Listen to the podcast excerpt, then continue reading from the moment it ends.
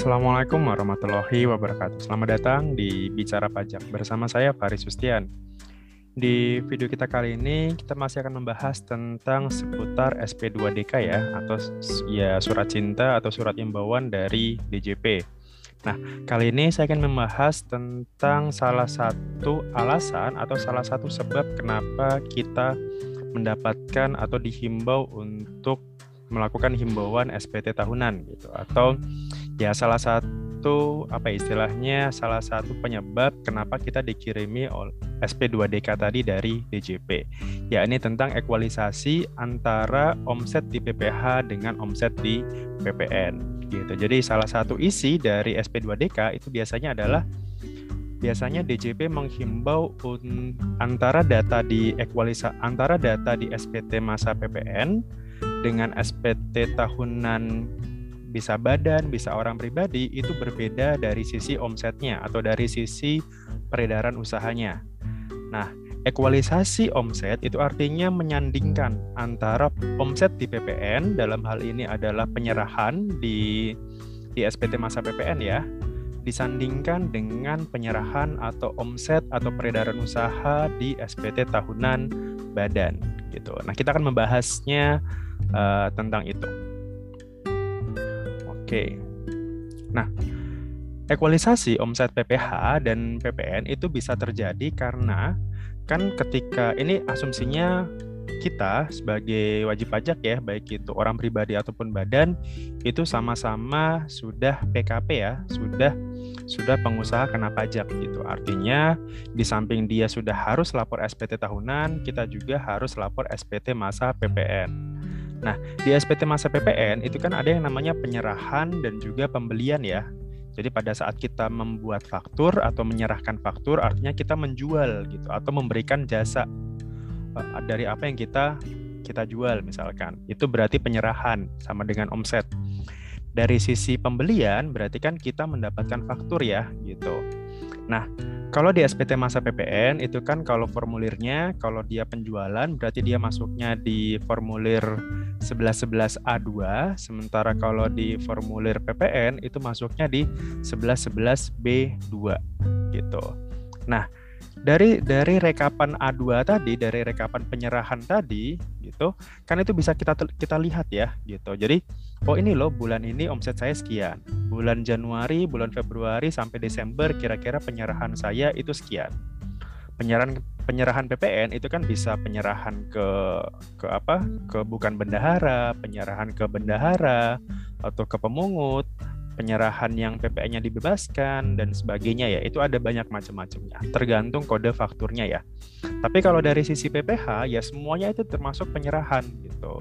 Jadi makanya kenapa ada ekualisasi omset? Maka karena dianggap antara penyerahan di PPN di PK ya pajak keluaran itu harusnya sama dengan omset yang ada di PPH maka biasanya kenapa kita sampai diterbitkan atau kenapa kita bisa sam apa diberikan surat SP2DK tadi karena memang ada selisih nih. Biasanya yang selisih lebih kecil itu adalah di omset PPH-nya gitu. Jadi terdapat wajib pajak yang peredaran usahanya di PPH tahunan ya, di SPT tahunan itu lebih kecil dibanding penyerahan pada SPT masa PPN. Makanya kenapa itu uh, dinamakan ekualisasi. Nah, kemudian dari DJP analisanya gimana gitu. Ya sederhananya tadi ya, sederhananya menyandingkan data omset dengan jumlah uh, dengan jumlah seluruh penyerahan pada SPT masa PPN gitu. Jadi tadi yang yang di penyerahan PPN itu dijumlahkan semua per bulan ya. Kan PPN kan per masa ya. Jadi Januari berapa omsetnya, Februari berapa sampai dengan Desember itu disetahunkan. Kemudian nanti disandingkan nih dengan SPT tahunan. Dia sudah lapor belum? Kalau ternyata belum lapor ya sudah. Berarti kan memang omsetnya tidak diketahui nih. Otomatis kemungkinan besar PPh-nya sendiri belum dibayarkan. Gitu. Atau belum belum sesuai lah misalkan. Gitu. Kalau ternyata belum dibayarkan ya tapi kalau misalkan ternyata uh, sorry kalau misalkan belum dilaporkan ya SPT tahunannya. Tapi kalau misalkan sudah dilaporkan berarti nanti di, disandingkan nih SPT masa PPN berapa omsetnya SPT tahunan badan berapa omsetnya. kalau kita lihat di lampiran satu ya, di lampiran satu SPT tahunan, itu kan ada yang namanya peredaran usaha. Nah, peredaran usaha itu kalau normalnya harusnya sama nih. Kalaupun berbeda juga harusnya sedikit lah. Harusnya sama ya, peredaran usaha di SPT tahunan. Di SPT tahunan harusnya sama dengan penjualan atau penyerahan di PPN gitu. Kalau terjadi selisih yang terlalu jauh, itu pasti nanti akan kena koreksi, pasti akan dapat himbauan tadi. Gitu. Jadi secara umum analisanya seperti itu. Jadi ya bisa juga kebalikannya ya, bisa juga misalkan ada omset di PPH tahunan, sementara kalau di mana? Kalau di SPT masa itu tidak ada. Nah, bisa jadi SPT masa dilaporkan di Hill terus, tidak pernah buka faktur segala macam. Sementara dia ada nih penyerahan sebenarnya gitu. Dia sebenarnya ada penyerahan uh, apa di SPT tahunannya. Misalkan di SPT tahunan dia mengakui omsetnya 2 miliar. Sudah dibayar pajaknya yang katakanlah setengah persen. Sementara dia sebagai PKP dia nggak pernah lapor nih, dia nggak pernah lapor PPN.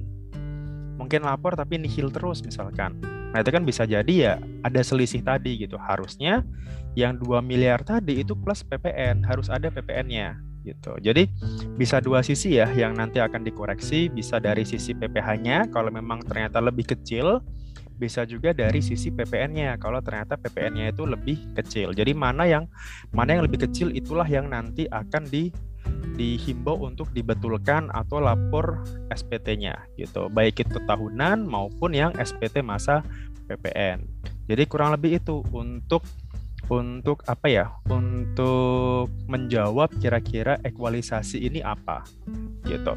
Kemudian eh, apakah eh, misalkan kemudian cara menjawabnya gimana gitu. Ya tadi ya bagi Anda misalkan yang sudah mendapatkan surat seperti itu ada kemungkinan ya, jadi tidak tidak mesti salah juga gitu. Ada beberapa kemungkinan yang membuat itu selisih gitu. Yang pertama adalah barang atau jasa itu memang tidak kena PPN gitu. Contoh yang tidak kena PPN misalkan Anda sebagai penjual ya toko sembako misalkan, dia menjual beras, kemudian garam, daging, sayur dan sebagainya itu nggak kena PPN. Maka ya, nah sudah berarti memang penyerahannya tidak ada nih, tidak ada penyerahan yang ada di PPN jadi asumsinya penyerahan di PPN itu akan lebih kecil dibanding omset di PPH gitu. Itu nggak masalah, memang itu memang itu faktanya seperti itu. Tinggal jawab aja sesuai dengan faktanya kalau memang seperti itu. Kemungkinan yang kedua adalah kalau misalkan terjadi penyerahan yang cuma-cuma atau gratis. Penyerahan cuma-cuma ini maksudnya adalah uh, kayak apa ya? Misalkan dari itu biasanya untuk PPN ya PPN kan kalau penyerahan cuma-cuma kan tetap harus terbitkan ter, apa tetap harus terbitkan faktur nih. Sementara kalau dari sisi PPH kan itu sebenarnya bukan bukan penyerahan, bukan omset uang kita pakai sendiri gitu kan. Gitu. Jadi misal dia memproduksi katakanlah seragam untuk karyawan gitu. Itu tetap harus buat faktur. Tapi kan kalau dari sisi PPH itu kan nggak omset sebenarnya. Uang itu dipakai sendiri untuk perusahaan kok gitu. Nah, bisa jadi seperti itu. Ada kemungkinan itu ya. Jadi jawaban yang kedua tadi. Jawaban yang pertama tadi karena memang barang itu tidak terutang PPN, sementara yang kedua adalah memang terjadi penyerahan yang cuma-cuma gitu atau dipakai sendiri misalkan. Kemudian yang kemungkinan yang ketiga adalah penyerahannya bersifat final. Nah, ini mungkin yang sangat sering terjadi ya gitu. Jadi eh, misalkan Anda ditanya gitu sama AR-nya, "Pak, uh, ini omset di PPN 2 miliar misalkan. PPN ya di SPT masa PPN 2 miliar. Kenapa kok kalau di SPT tahunan kok nol penyerahan omsetnya gitu? Oh karena sudah saya masukkan di PPH final semua pak gitu. Karena saya sudah karena saya UMKM atau jasa konstruksi misalkan. Atau uh, penghasilan yang sifatnya final lainnya lah gitu. Misalkan kayak developer kemudian sewa ruko kemudian UMKM atau jasa konstruksi itu kan semuanya final. Nah, omsetnya itu dimasukkan atau dilarikan semuanya ke final gitu. Artinya di SPT tahunan itu omsetnya nol gitu. Bisa jadi seperti itu. Gitu. Jadi ada tiga kemungkinan tadi ya. Yang yang dua di awal itu kemungkinan dari sisi PPN-nya yang selisih lebih kecil, sementara kalau yang terakhir yang PPA atau penghasilannya sifatnya final itu bisa jadi karena omsetnya ada di PPN tapi di PPh-nya itu nol. Nah, kemungkinan kenapa bisa nol karena tadi e, sifatnya final. Nah, kalau misalkan ketiga hal itu tidak ada, nah berarti yang harus Anda lakukan siap-siap nih. Anda harus buat ya pertama kalau ternyata belum lapor ya berarti Anda harus lapor dulu SPT tahunannya. Baik itu orang pribadi atau badan ya. Kemudian ya ya setor, kemudian lapor ya, setor pajaknya dan juga lapor SPT tahunannya. Setornya gimana? Ya tinggal kita um, kita ikut ikut mekanisme apa, ikut ikut pajak UMKM atau tidak gitu. Sederhananya gini, uh, saya contohkan kalau lewat Excel ya.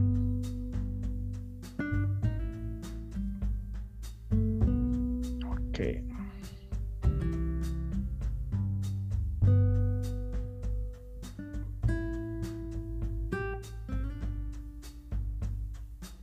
Oke, misalkan ini Excel, tadi ya, ekualisasi.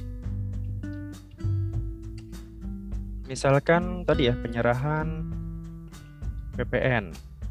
Sorry, PPN-nya itu N-nya kecil, N-nya besar. Januari, misalkan ini kita ambil dari data um, data SPT masa PPN kita ya, misalkan. Oke, misalkan di sini katakanlah 100 juta semua.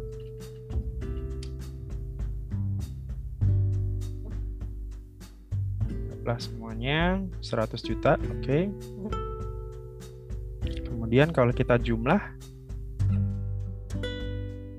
ya ini 1,2 miliar ya gitu. Ini penyerahan PPN. Penjualan lah atau kalau misalkan ini bisa kita cek di A2 ya, A2 atau A1 lah kalau dia impor, kalau dia ekspor ya dari SPT PPN gitu. Omset omset di PPN gitu. Nah, kemudian ternyata omset di PPH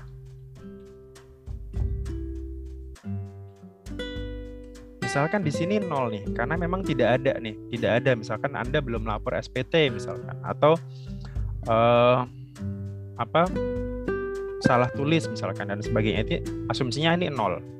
Nah, berarti nanti bunyinya, bunyi di SP2DK-nya biasanya akan terdapat selisih antara omset antara di PPH dengan PPN misalkan. Omset di PPN nilainya segini 1,2 miliar, sementara kalau di PPH nilainya nol misalkan. Nah, biasanya seperti itu kalau dia ekualisasi. Ini PPN, ini PPH. Kemudian setelah itu, kemudian langkah berikutnya apa? Tadi ya, ya berarti kalau misalkan memang Anda mengakui bahwa memang Anda punya omset segini di PPN dan ini memang kalau dari PPN-nya udah clear ya, Anda sudah pungut PPN-nya misalkan. Ya sudah. Berarti tinggal kita cari di PPH sekarang. Yang nol ini kira-kira kita harus bayar berapa? Nah, kalau misalkan PPH misalkan kita PPH badan gitu ya PPA badan katakanlah omsetnya omsetnya memang benar nih 1,2 ini misalkan. Kemudian kalau kita pakai mekanisme UMKM berarti kan ini tinggal kita kalikan setengah persen ya. Nah, berarti yang harus Anda bayar segini kalau kita pakai UMKM. Tapi kalau misalkan Anda bukan UMKM, Anda sudah ya PT, sudah bukan lagi pakai UMKM, sudah bukan lagi pakai setengah persen, ya berarti Anda harus pembukuan kan? Ya walaupun badan itu pasti pembukuan ya. Nah, misalkan omsetnya segini. Kalau misalkan non non UMKM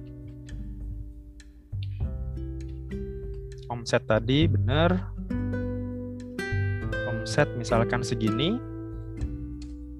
Kemudian nah Berarti kita hitung laba bersihnya. Misalkan dari laba ini katakanlah ya berapa persen ya? 10 persen misalkan. Oke. Jadi dari lab dari omset 120 juta, omset eh, apa laba bersihnya 100 Eh, sorry, omset 1,2 miliar, laba bersihnya 120 juta misalkan. Nah, kira-kira PPh-nya berapa? Kalau dia pakai non UMKM tadi ya, misalkan pakai 31 E. Nah, karena ini omsetnya di bawah 4,8 miliar, terus ini katakanlah tahun 2021 misalkan 2021 kan om, eh, PPH badan itu masih 22% ya gitu. Cuman karena omsetnya di bawah 4,8 miliar dapat diskon 50 persennya. Artinya di sini PPH-nya adalah sebesar ini kita kalikan 22 persen tarif normal. Tarif normalnya, kemudian baru kita kalikan diskonnya adalah sebesar 50 persen atau sebenarnya 11 persen sebenarnya. 11 persen. Nah, berarti pajaknya adalah se segini. Gitu. Jadi ini omset kalau di bawah 4,8 miliar ya. Jadi pajaknya adalah sekitar 11% aja. Kan ini sama aja ya. Kalau kita kalikan 11%, 11 11% dari mana? Ya tadi ya 22% kali um, kali 50 persennya atau kali setengahnya. Gitu. Itu adalah pasal 31E Undang-Undang uh, PPH ya. Gitu. Kalau dia PPH badan. Nah, bagaimana kalau dia orang pribadi sekarang? Nah, orang pribadi ya sama ya kalau UMKM ini sama baik itu orang pribadi atau badan, pajaknya ya segini. Tapi kalau orang pribadi bisa pakai uh, ya sama ya laba misalkan. Labanya sama deh misalkan. Omsetnya ya ini sama segini. Laba bersihnya misalkan sama. Nah, kalau di PPH itu kan berarti dia ada PTKP. Misalkan PTKP-nya katakanlah um, TK 0 ya, tidak kawin, tidak ada tanggungan, berarti 54 juta. Oke, kemudian penghasilan kena pajaknya. 120 juta ini kita kurangkan 54 juta. Oke, 66 juta. Kemudian berarti kita, kalikan dua tarif ya. 5% dan 15% gitu karena dia uh, di atas 50 juta kalau yang ini. Nah ini kita kalikan 50 juta dulu dan ini sisanya berarti oke ini kita kalikan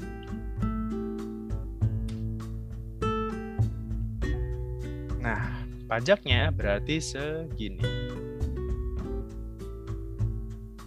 Jadi kurang lebih itu ya. Jadi inilah yang uh, Bapak Ibu atau teman-teman wajib pajak apabila Anda mendapatkan surat ekualisasi antara omset di PPH dengan PPN dan juga cara cara penghitungannya, cara penyelesaiannya. Yang jelas Anda harus buat dulu kira-kira memang benar nggak omsetnya omset saya segitu? Sama nggak memang antara PPN dan PPH kemudian dari situ tinggal kita cari aja cara penghitungannya yang seperti apa. Kalau misalkan anda UMKM ya sudah. Tinggal kita kalikan setengah persen selesai. Pajaknya juga yang paling rendah ya gitu jadi ini uh, tax planning anda juga bisa anda lakukan di sini jadi di sini 6 juta kalau anda UMKM tapi kalau misalkan anda bukan UMKM kalau dia PPH badan di sini misalkan kalau dia pakai PPh badan, pakai pasal 31E, pajaknya adalah segini, 13.200. Jadi laba kita kalikan uh, 11%. Gitu. Kemudian kalau orang pribadi sama juga. Uh, kalau untuk UMKM itu sama caranya, sama-sama 6 juta.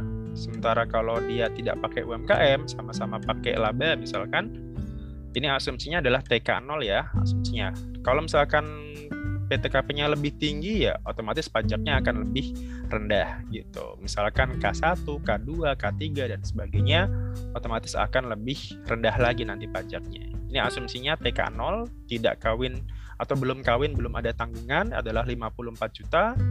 Laba bersih kurangi PTKP hasilnya adalah PHKP penghasilan kena pajak sebesar 66 juta. Nah, berarti kita kalikan dua tarif ya, karena dia di lapisan antara 50 sampai 250. Jadi dia kena dua tarif, 5 dan 15. Yang 5 persennya kita kalikan 50, sisanya kita kalikan 15. Hasilnya adalah 4 juta 900 ribu rupiah. Nah, ini yang harus Anda bayarkan. Setelah itu Anda bisa laporkan SPT tahunan. Kalau memang belum lapor, lakukan pembetulan kalau ternyata Anda sudah lapor tapi ternyata masih salah gitu. Jadi silakan ini bisa Anda buat opsi kemudian atau mungkin barangkali Anda masih masih sebentar ini mungkin masih bingung ya apa sih sebenarnya equalisasi itu kemudian bagaimana cara menanggapinya kemudian seperti apa penghitungan pajaknya apabila kita mendapatkan surat uh, aktualisasi antara PPH dan PPN. Semoga informasi ini berguna bagi Anda dan sekali lagi uh, channel ini hanya untuk membantu Anda dalam untuk lebih memahami informasi perpajakan gitu. Untuk untuk informasi lebih lanjut silakan Anda bisa datang ke kantor pajak terdekat untuk minta uh, apa sosialisasi, konsultasi dan sebagainya atau Anda juga bisa telepon ke Kering Pajak 1500 200 atau hubungi penyuluh Anda atau AR Anda untuk mendapatkan informasi terbaru seputar perpajakan gitu. Silakan tinggalkan pertanyaan di kolom komentar atau apa uh, silakan share apabila apa video ini berguna bagi Anda. Terima kasih sekali lagi mohon maaf kalau ada kekurangan dan Assalamualaikum warahmatullahi wabarakatuh. Salam.